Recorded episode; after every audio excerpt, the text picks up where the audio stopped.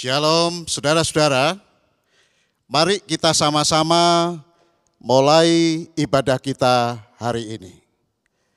Pertolongan kita adalah dari Tuhan yang menjadikan langit dan bumi beserta segala isinya, yang setia dan tidak pernah meninggalkan pekerjaan tangannya.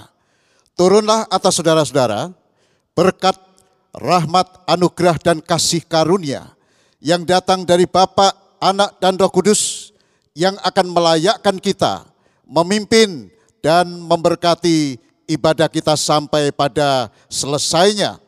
Di dalam nama Tuhan Yesus Kristus, setiap kita yang percaya, katakan bersama-sama, amin.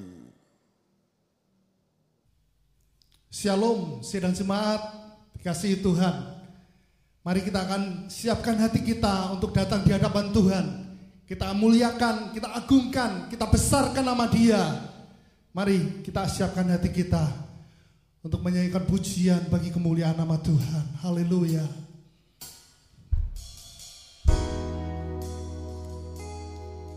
Kiara lama sikira lama. Mari siapkan hati kita untuk memuji, menyembah Dia, mengagungkan, memuliakan, mengagungkan Dia. Haleluya, Jesus.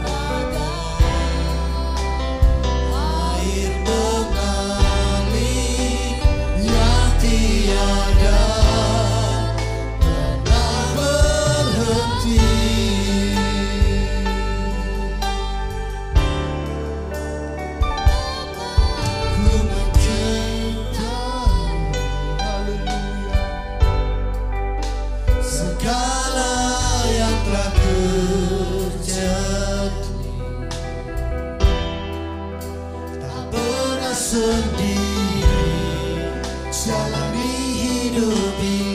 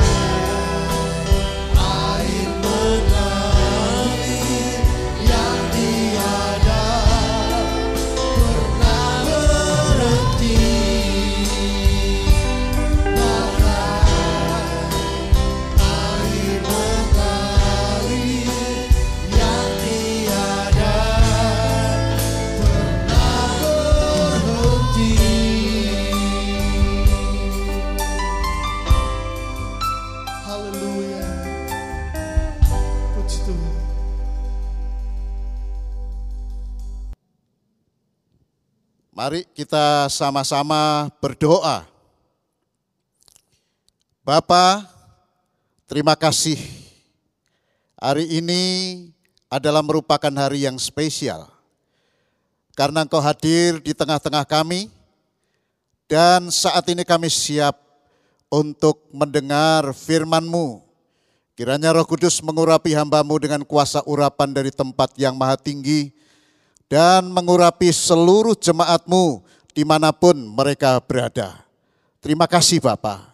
Di dalam nama Tuhan Yesus Kristus, setiap kita yang percaya katakan bersama, amin. Bapak Ibu, saudara-saudara yang saya kasihi di dalam Tuhan Yesus Kristus, tema dari khotbah saya hari ini adalah tetap kuat di tengah badai kehidupan. Sekali lagi tetap kuat di tengah badai kehidupan. Saudara-saudara, datangnya badai kehidupan di dalam kehidupan kita sering tak terhindarkan. Dalam menyikapinya tiap-tiap orang memiliki cara masing-masing. Ada yang ketika menghadapi badai kehidupan mereka bingung, kemudian mereka menangis. Ada juga dari antara mereka yang menghadapi badai kehidupan itu mereka kesal dan kemudian mereka marah ada juga yang cemas dan mereka gelisah di dalam hari-harinya. Ada juga yang merasa biasa saja, nggak ada masalah dengan badai kehidupan yang datang ini.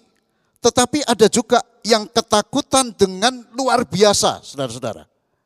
Ada lagi yang ketika menghadapi badai dalam kehidupannya, dirinya kemudian menjadi seorang yang pesimis, tetapi ada juga orang lain yang begitu optimis ketika mereka menghadapi badai dalam kehidupannya.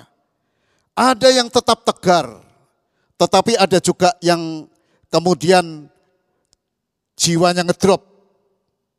Ada juga dari antara mereka yang kehilangan semangat, bahkan ada yang patah semangat, saudara. Ada dari antara mereka yang jadi malas untuk berdoa, malas untuk baca firman, malas untuk menyembah Tuhan. Tetapi ada juga dari antara mereka yang menghadapi berbagai masalah dan badai kehidupan itu, mereka semakin bersungguh-sungguh mendekat Tuhan, saudara-saudara. Nah, Bapak Ibu saudara-saudara yang saya kasihi di dalam Tuhan Yesus, Mengapa orang menyikapinya dengan cara yang berbeda-beda dalam menghadapi badai kehidupan ini? Itu sebenarnya, saudara, tergantung pada bagaimana pola berpikir masing-masing orang. Tapi apa pun respon yang diberikan, suka atau tidak suka, mau atau tidak mau, saudara-saudara, badai kehidupan itu harus tetap dihadapi, saudara. Nah sekarang yang perlu untuk kita sama-sama pelajari adalah bagaimana kita dapat melewati badai kehidupan itu dengan aman. Saudara ada beberapa hal yang ingin saya sampaikan dalam khotbah saya hari ini. Yang pertama adalah kita harus memperkuat iman kita. Kita tidak bisa membiarkan iman kita harus ngedrop ketika kita menghadapi masalah dan badai dalam kehidupan kita. Oleh karena itu kita harus memperkuat iman kita dengan cara kita sering menyembah Tuhan. Kalau di hari-hari sebelumnya mungkin kita agak jarang menyembah Tuhan di rumah kita, saudara. Tetapi ketika badai kehidupan itu datang, justru inilah saatnya bagi kita untuk meningkat, meningkatkan penyembahan kita kepada Allah.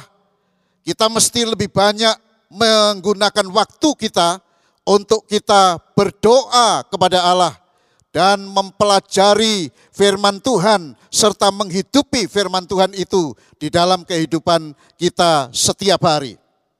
Saudara, tiga komponen ini adalah merupakan sumber kekuatan yang luar biasa. Kalau memang kita ingin sungguh-sungguh memiliki kehidupan yang kuat di dalam kita menghadapi badai kehidupan itu, maka tiga komponen ini menyembah, berdoa, mempelajari firman, merenungkan firman dan melakukannya setiap hari itu adalah merupakan kekuatan yang luar biasa, saudara-saudara.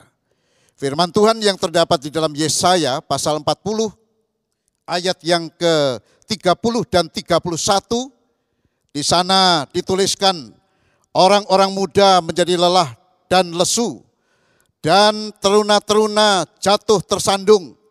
Tetapi orang-orang yang menanti-nantikan Tuhan mendapat kekuatan baru.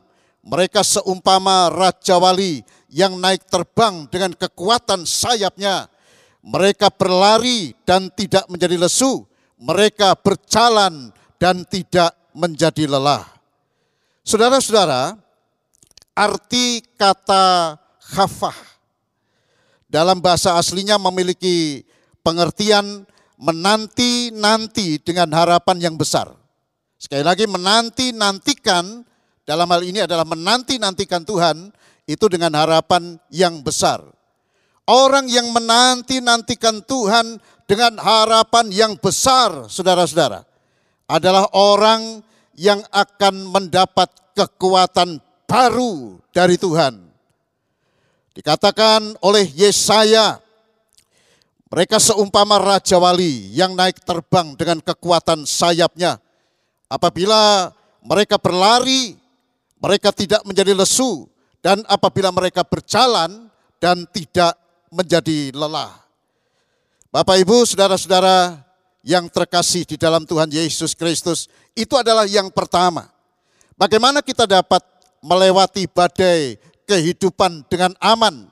Yang kedua, hidup dalam pimpinan dan kuasa Roh Kudus. Sekali lagi, hidup dalam pimpinan dan kuasa Roh Kudus. Bapak Ibu Saudara, tanpa pimpinan dan kuasa Roh Kudus, hidup kita akan menyimpang dari tujuan Allah.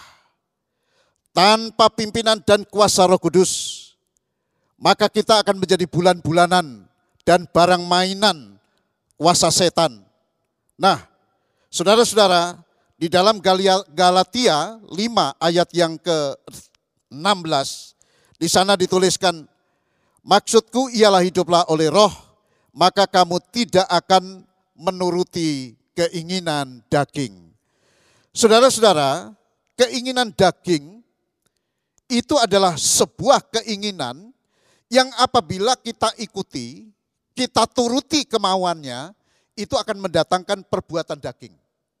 Di dalam Galatia 5 ayat 19, 20 dan 21 di sana dituliskan tentang perbuatan-perbuatan daging sebagai hasil daripada pemikiran-pemikiran yang bersifat daging, Saudara.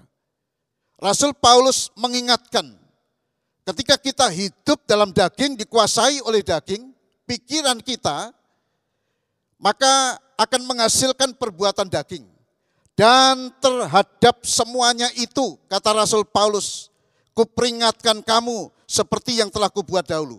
Bahwa barang siapa melakukan hal-hal yang demikian, ia tidak akan mendapat bagian dalam kerajaan Allah. Saudara hasilnya perbuatan daging itu sangat mengerikan. Nah oleh karena itu, saudara-saudaraku, kita harus mau dipimpin oleh roh kudus untuk dibawa kepada seluruh kebenaran Allah. Jadi dibawa kepada seluruh kebenaran Allah, bukan kebenaran diri sendiri. Galatia 5 ayat yang ke-25, firman Tuhan di sana dituliskan, jikalau kita hidup oleh roh, baiklah hidup kita juga dipimpin oleh roh. Nah, jika kita dipimpin oleh roh saudara-saudara, dipastikan bahwa kita tidak akan dikuasai oleh keinginan daging lagi di dalam kita menjalani hari-hari kita. Bapak Ibu saudara-saudara yang terkasih di dalam Tuhan Yesus Kristus, Bagaimana kita dapat melewati badai kehidupan dengan aman? Yang ketiga adalah dengan selalu memperhatikan semua kebaikan yang dilakukan Tuhan kepada umatnya. Sekali lagi, yang ketiga, bagaimana kita dapat melewati badai kehidupan dengan aman adalah dengan selalu memperhatikan semua kebaikan yang dilakukan oleh Tuhan kepada umatnya, saudara. Misalnya, memperhatikan kebaikan Tuhan yang telah dilakukan terhadap Ayub. Di dalam Alkitab banyak sekali contoh-contoh perbuatan kebaikan yang dilakukan oleh Tuhan terhadap umatnya. Tapi pada hari ini saya hanya akan menyampaikan dan membatasi uh, tentang perbuatan baik yang dilakukan Allah di dalam Kristus kepada Ayub. Apa yang dilakukan Tuhan kepada Ayub? Yang pertama adalah Tuhan sangat memperhatikan kehidupan Ayub dengan sangat cermat, saudara-saudara. Di dalam Ayub pasal yang pertama, ayat yang ke-8, di sana dituliskan. Lalu bertanyalah Tuhan kepada iblis, Apakah engkau memperhatikan nambaku Ayub? Sebab tiada seorang pun di bumi seperti dia yang demikian saleh, jujur, yang takut akan Allah dan menjauhi kejahatan. Di dalam pasal yang lain, selain di dalam Ayub pasal 1 ayat yang ke-8, Ayub pasal yang kedua, ayat yang ketiga, juga di sini menunjukkan bagaimana Allah sangat memperhatikan Ayub. Dan perhatian yang disampaikan Tuhan atas umatnya, termasuk saya dan saudara, itu adalah sebagaimana Tuhan memperhatikan Ayub. Frasa sebab tiada seorang pun di bumi seperti dia adalah merupakan frasa yang menunjukkan bahwa Allah telah melakukan pengamatan secara cermat dan sempurna atas seluruh penduduk bumi. Sehingga berkesimpulan bahwa tidak seorang pun di bumi yang seperti Ayub. Kalau Allah tidak melakukan pengamatan secara cermat terhadap semua manusia yang lain, tentu Allah tidak akan berkata tidak seorang pun yang hidup di muka bumi ini yang seperti Ayub. Jadi kita lihat bahwa kecermatan Tuhan itu begitu luar biasa. Kecermatan Allah di dalam melakukan pengamatan saudara adalah meliputi semua bidang kehidupan. Baik yang bisa dilihat maupun yang tidak bisa dilihat. Yang bisa dilihat itu adalah dalam bentuk perbuatan, perilaku, sikap, tindakan, dan lain sebagainya. Sedangkan yang tidak bisa dilihat itu adalah apa yang masih tersimpan dalam hati. Yang masih tersimpan dalam pikiran.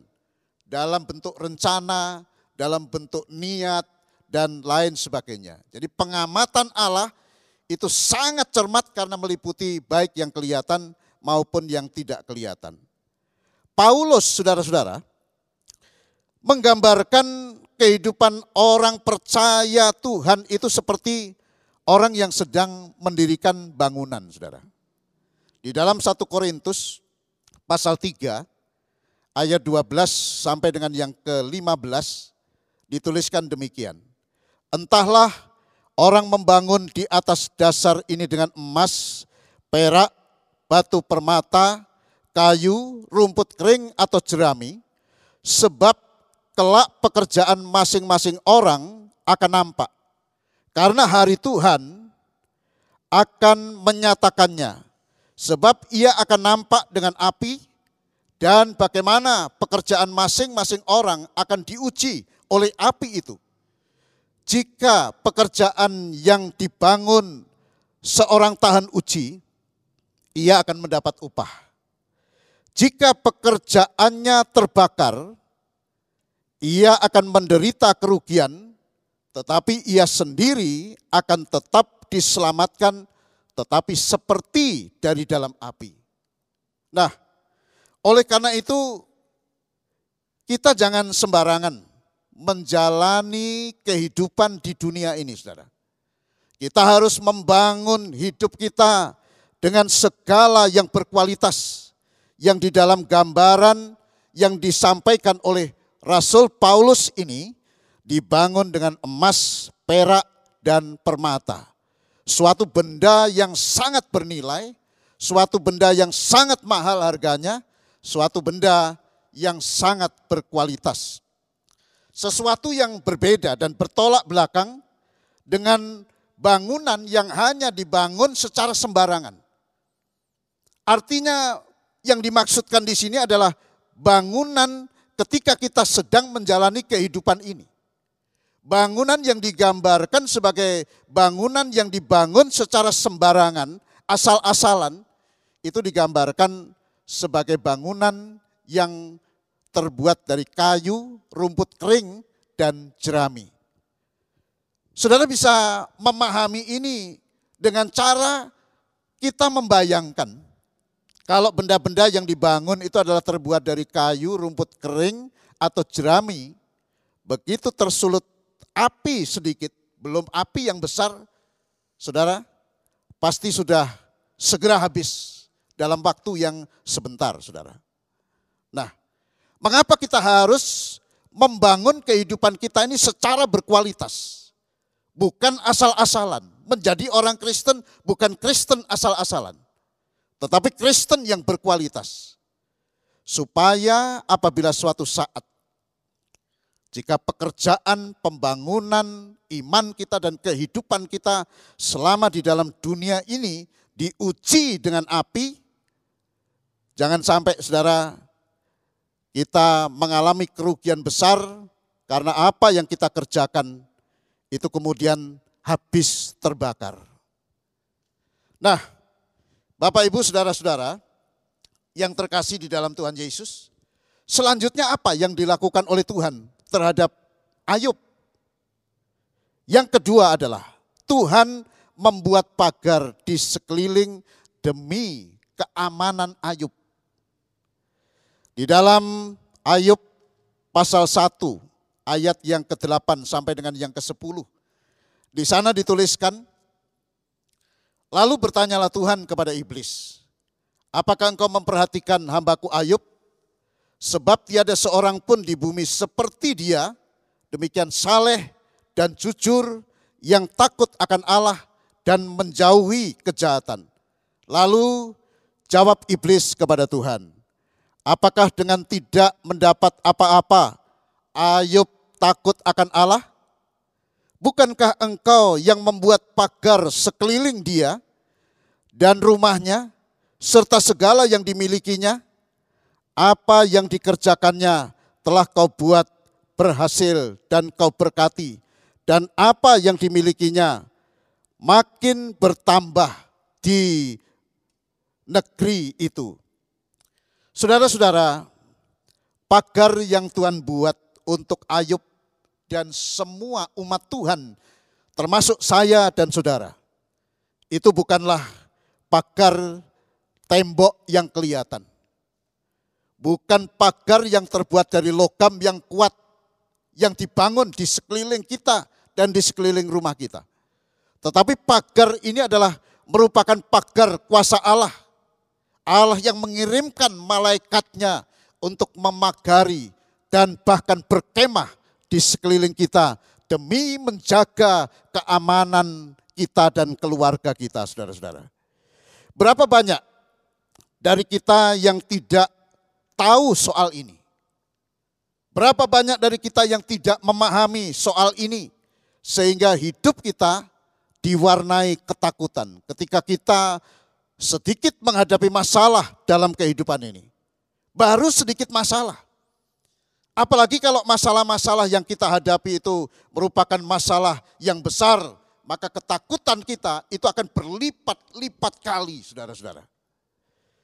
Saudara, tahukah saudara, seberapa berbahayanya apabila kita hidup dalam ketakutan. Di dalam Ayub pasal yang ketiga ayat yang ke-25, di sana dituliskan, apa yang kutakutkan dan apa yang kucemaskan itulah yang akan menimpa aku. Perhatikan saudara. Apa yang kutakutkan dan yang kucemaskan itulah yang menimpa aku. Saudara ngeri sebetulnya. Kalau kita hidup di dalam ketakutan, karena ketakutan itu sesungguhnya tidak memberi kontribusi positif apa pun di dalam kehidupan kita. Justru akan membuat kita mengalami celaka di dalam kita menjalani hari-hari kita. Oleh karena itu, Bapak Ibu Saudara, jangan takut dalam menghadapi kesulitan hidup yang bagaimanapun. Jangan pernah gentar, karena sesungguhnya kita tidak sendiri. Tetapi ada Tuhan yang selalu menjaga dan tidak pernah terlelap bagi kita. Sangat luar biasa. Nah, kita perlu sangat bersyukur karena Allah itu sangat luar biasa. Selalu ada buat kita. Saudara bagaimana caranya supaya kita tidak takut? Saudara sesungguhnya takut atau tidak itu sebetulnya adalah merupakan pilihan. Saudara bisa saja walaupun kita tidak punya masalah, tidak terjadi apa-apa di sekitar kita, tapi kita seperti orang yang dikejar-kejar. Selalu takut, selalu takut, selalu takut. Mau keluar rumah takut, mau masuk rumah ya takut, mau buka pintu ya takut, mau nutup pintu ya takut. Mau berusaha ya takut, tidak berani melangkah mau sekolah takut, mau apa pun takut. Tetapi saya sampaikan sekali lagi, takut atau tidak, itu adalah merupakan pilihan. Oleh karena itu, saya mendorong Bapak, Ibu, dan saudara-saudara semua untuk kita tidak takut dalam menghadapi apa pun. Kemudian apa yang harus kita lakukan supaya kita tidak takut? Kita harus mengenali bahwa Tuhan itu adalah Tuhan yang maha baik.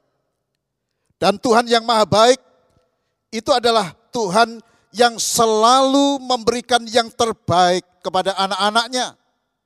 Walaupun kita sedang berada di situasi yang tidak baik. Tetapi kebaikan dan pemberian Allah itu selalu yang terbaik buat kita. Oleh karena itu Jangan pernah merasa tidak puas dengan apa yang saudara miliki.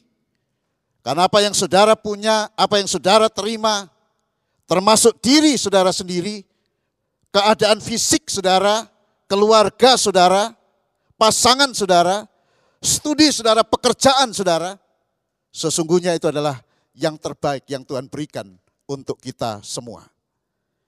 Yang selanjutnya adalah kita harus memahami firman Tuhan itu dengan benar dan kita menghidupinya setiap hari, Saudara. Kadang-kadang walaupun kita punya Alkitab di handphone kita juga ada aplikasi Alkitab. Kita bisa baca setiap waktu, kita bisa buka setiap waktu, Saudara. Tapi ada kalanya Waktu-waktu yang seperti itu kita lewatkan begitu saja.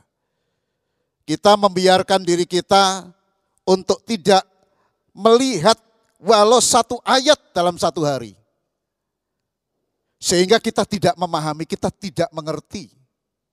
Oleh karena itu, supaya kita dalam menjalani kehidupan yang penuh dengan badai kehidupan ini, kita harus memahami firman Tuhan itu dengan benar dan kita menghidupinya.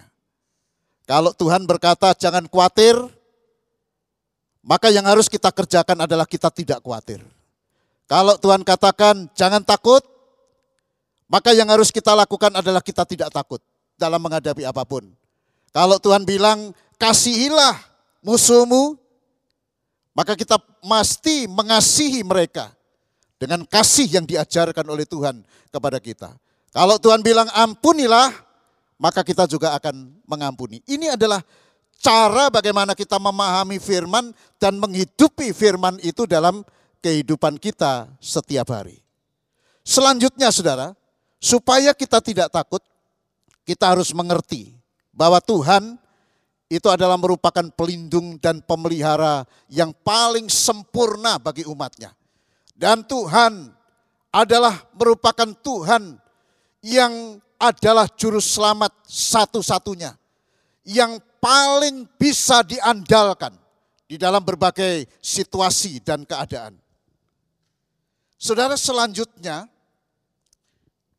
apa yang harus kita lihat dari perbuatan Tuhan terhadap Ayub. Yang ketiga adalah Tuhan memberi kekuatan pada saat Ayub menghadapi penderitaan yang berat, penderitaan yang hebat di dalam hidupnya. Saudara, bagi Bapak Ibu dan Saudara yang sudah menyelesaikan pembacaan kitab Ayub, kita sangat mengerti, kita sangat memahami Bagaimana penderitaan yang dialami oleh Ayub pada masa itu. Semua anak-anaknya mati dalam waktu yang bersamaan, saudara. Semua anak-anaknya, saudara. Kita kehilangan salah satu dari orang yang kita cintai. Kita sepertinya sudah kehilangan apa saja, saudara-saudara. Tetapi Ayub itu memiliki pengalaman yang jauh lebih menyakitkan dari pengalaman yang pernah kita alami. Semua anak-anaknya mati sekali lagi dalam waktu yang bersamaan.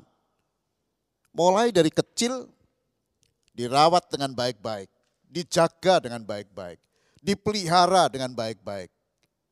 Tetapi begitu mereka sudah kelihatan cantik, kelihatan ganteng, kelihatan gagah, mereka sudah pinter, saudara tahu-tahu semuanya mati dalam waktu yang bersamaan.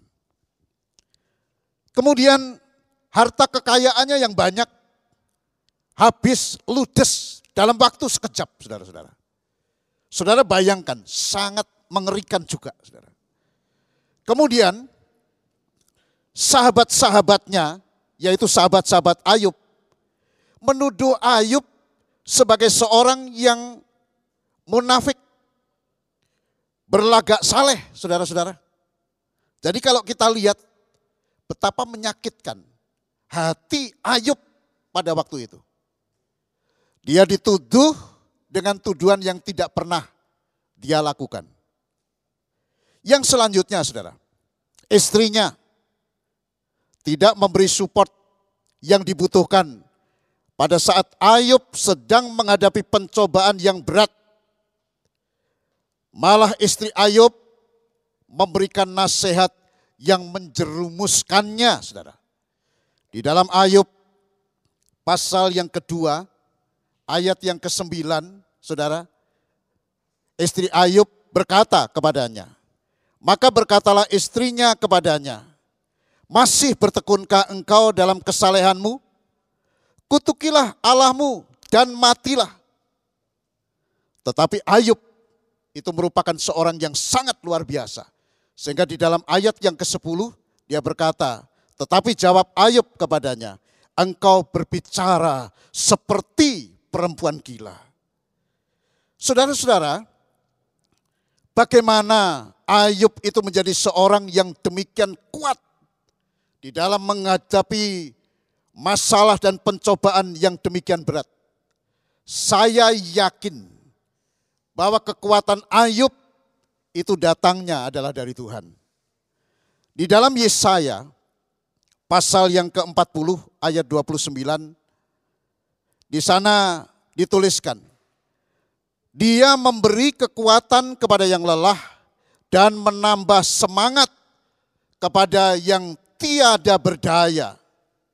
Saudara hari-hari ini jika jiwa saudara terasa capek, lelah, letih, lesu karena suatu keadaan, jagalah agar saudara jangan tawar hati. Karena firman Tuhan berkata, jika engkau tawar hati, maka kecillah kekuatanmu. Saudara, pandanglah wajah Tuhan dan sembahlah Tuhan dengan segenap hatimu. Dan mulailah terima dengan iman impartasi kekuatan baru dari Tuhan. Terima, saudara, terima. Terima kasih Tuhan. Terima kasih Tuhan. Kami terima dengan penuh iman. Kami percaya Tuhan, kami menerima impartasi urapan Roh Kudus hari ini. Dan kami percaya kami menerima kekuatan baru dari Allah dalam Kristus Yesus. Sehingga ketika kami harus menghadapi badai kehidupan yang hebat sekalipun, kami akan tetap bersama dengan Tuhan dan kami aman dapat melewati semuanya. Terima kasih Tuhan, terima kasih. Segala pujian, hormat, dan kemuliaan kami persembahkan bagi Bapa di dalam nama Tuhan Yesus. Setiap kita yang percaya, katakan bersama-sama, amin. Bapak, Ibu, Saudara-saudara yang terkasih, Sebelum saya menyampaikan doa berkat dan mengakhiri ibadah kita atas nama gembala dan majelis serta seluruh keluarga besar Gereja Isa Al-Masih Tanamas mengucapkan selamat berulang tahun kepada saudara-saudara yang terkasih yang berulang tahun dalam minggu ini. Yang pertama adalah Bapak Matius Budiman berulang tahun pada tanggal 19 Mei. Selamat ulang tahun Pak Matius Budiman. Kemudian Saudari Ivana Gafrila berulang tahun pada tanggal 19 Mei. Selamat ulang tahun Ivana. Kemudian yang ketiga, Saudara Rudi Antonio berulang tahun pada tanggal 20 Mei. Selamat ulang tahun Rudi. Kemudian yang keempat adalah Ibu Indah Setiawati. Berulang tahun pada tanggal 21 Mei. Selamat ulang tahun Ibu Indah. Dan yang kelima adalah Saudari Rachel Marsila. Berulang tahun pada tanggal 24 Mei. Selamat ulang tahun. Baik, saudara-saudara, kita sekarang akan sama-sama berdoa. Bapa, kami bersyukur dan berterima kasih. Sebab engkau telah memberi umur yang panjang kepada kekasih-kekasih kami, yaitu Bapak Matius Budiman, Saudari Ivana, Saudara Rudi Antonio, Ibu Indah Setiawakti, dan Saudara Rachel. Bapak kami bersyukur karena Engkau begitu baik.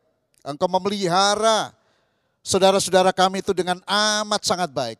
Dan kami percayakan hidup mereka sepenuhnya kepada Tuhan.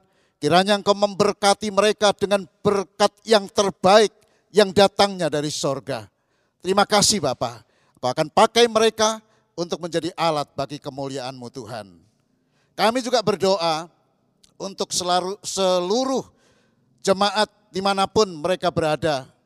Tuhan, mulai dari mereka yang tertua sampai kepada jemaat yang termuda, bahkan yang masih ada dalam kandungan, kami menyerahkan mereka kiranya anugerah dan kebaikan Tuhan itu terus mengalir dan tercurah dalam kehidupan mereka dalam hari-hari ini. Di tengah situasi yang sulit kami percaya Tuhan itu bukanlah akhir dari segala-galanya. Karena ada Tuhan yang terus melingkupi kehidupan mereka. Kami juga berdoa untuk para pemimpin bangsa kami. Kami berdoa untuk Presiden Republik Indonesia. Kami berdoa untuk Wakil Presiden Republik Indonesia kami berdoa untuk para menteri. Kami berdoa juga Tuhan untuk kepala-kepala daerah. Baik para gubernur, para bupati, wali kota, para camat, para lurah dan kepala desa. Sampai kepada seluruh jajarannya. Kami menyerahkan satu persatu kiranya Engkau berkenan untuk memberikan hikmat kepada mereka, menopang mereka Tuhan sedemikian rupa sehingga mereka boleh memimpin bangsa ini, memimpin rakyat ini dengan berhasil. Terima kasih Bapak, terima kasih. Kiranya Engkau juga berkenan untuk memberkati seluruh rakyat Indonesia di seluruh wilayah di mana pun Tuhan di tanah Indonesia ini kami menyerahkan sepenuhnya. Kiranya engkau yang akan tetap memelihara mereka dengan kasih setiamu. Dan engkau akan terus menolong mereka, melindungi mereka dan memberkati mereka. Terima kasih Tuhan, terima kasih. Kami juga berdoa untuk para dokter serta seluruh tenaga medis, untuk aparat keamanan TNI dan Polri. Tuhan mereka telah bekerja keras untuk seluruh masyarakat Engkau mengetahui pengorbanan mereka. Tapi kami percaya Tuhan pengorbanan mereka sesungguhnya tidak akan pernah sia-sia. Tuhan yang akan membalas mereka, memberkati mereka lebih daripada segala-galanya. Terima kasih. Terima kasih Tuhan, terima kasih. Sekarang Bapak Ibu Saudara yang kekasih, mari kita sama-sama angkat hati kita dan kedangkan kedua tangan kita. Sebab Tuhan berfirman, Tuhan memberkati engkau dan melindungi engkau. Tuhan menyinari engkau dengan wajahnya dan memberi engkau kasih karunia. Tuhan menghadapkan wajahnya kepadamu dan memberi engkau damai sejahtera. Di dalam nama Tuhan Yesus Kristus, setiap kita yang percaya, katakan bersama-sama, amin. Tuhan memberkati saudara semua.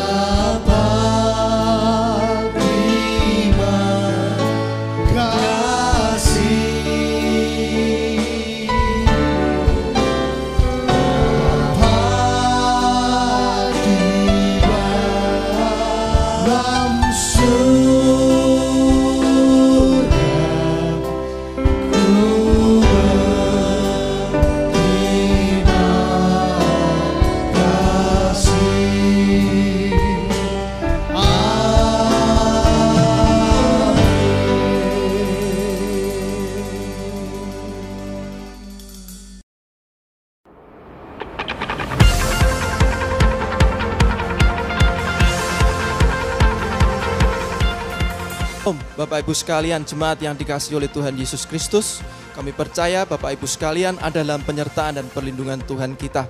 Bapak Ibu sekalian, perkenankan melalui kesempatan ini kami mewakili Gembala Jemaat, Rohaniwan dan Majelis Gereja Isa Masih Tanamas mengucapkan terima kasih atas semua persembahan yang telah Bapak Ibu berikan bagi gereja ini. Bagi seluruh jemaat yang akan memberikan persembahan, kami memberikan beberapa pilihan yang pertama Bapak Ibu sekalian dapat mentransfer melalui rekening BCA dengan nomor 009 130 1007 atas nama Sri Uni garis miring Haryanti. Kemudian Bapak Ibu sekalian juga dapat memberikan persembahan langsung dan dapat dimasukkan di dalam kotak persembahan yang sudah disediakan melalui kantor gereja pada hari Selasa sampai hari Jumat pukul 9 sampai 1 siang dan pada hari Sabtu pukul 9 sampai 12 siang. Kami percaya apa yang Bapak Ibu taburkan untuk kemajuan gereja ini pasti akan diberkati Tuhan. Tetap sehat, tetap semangat, Tuhan Yesus memberkati. Amin.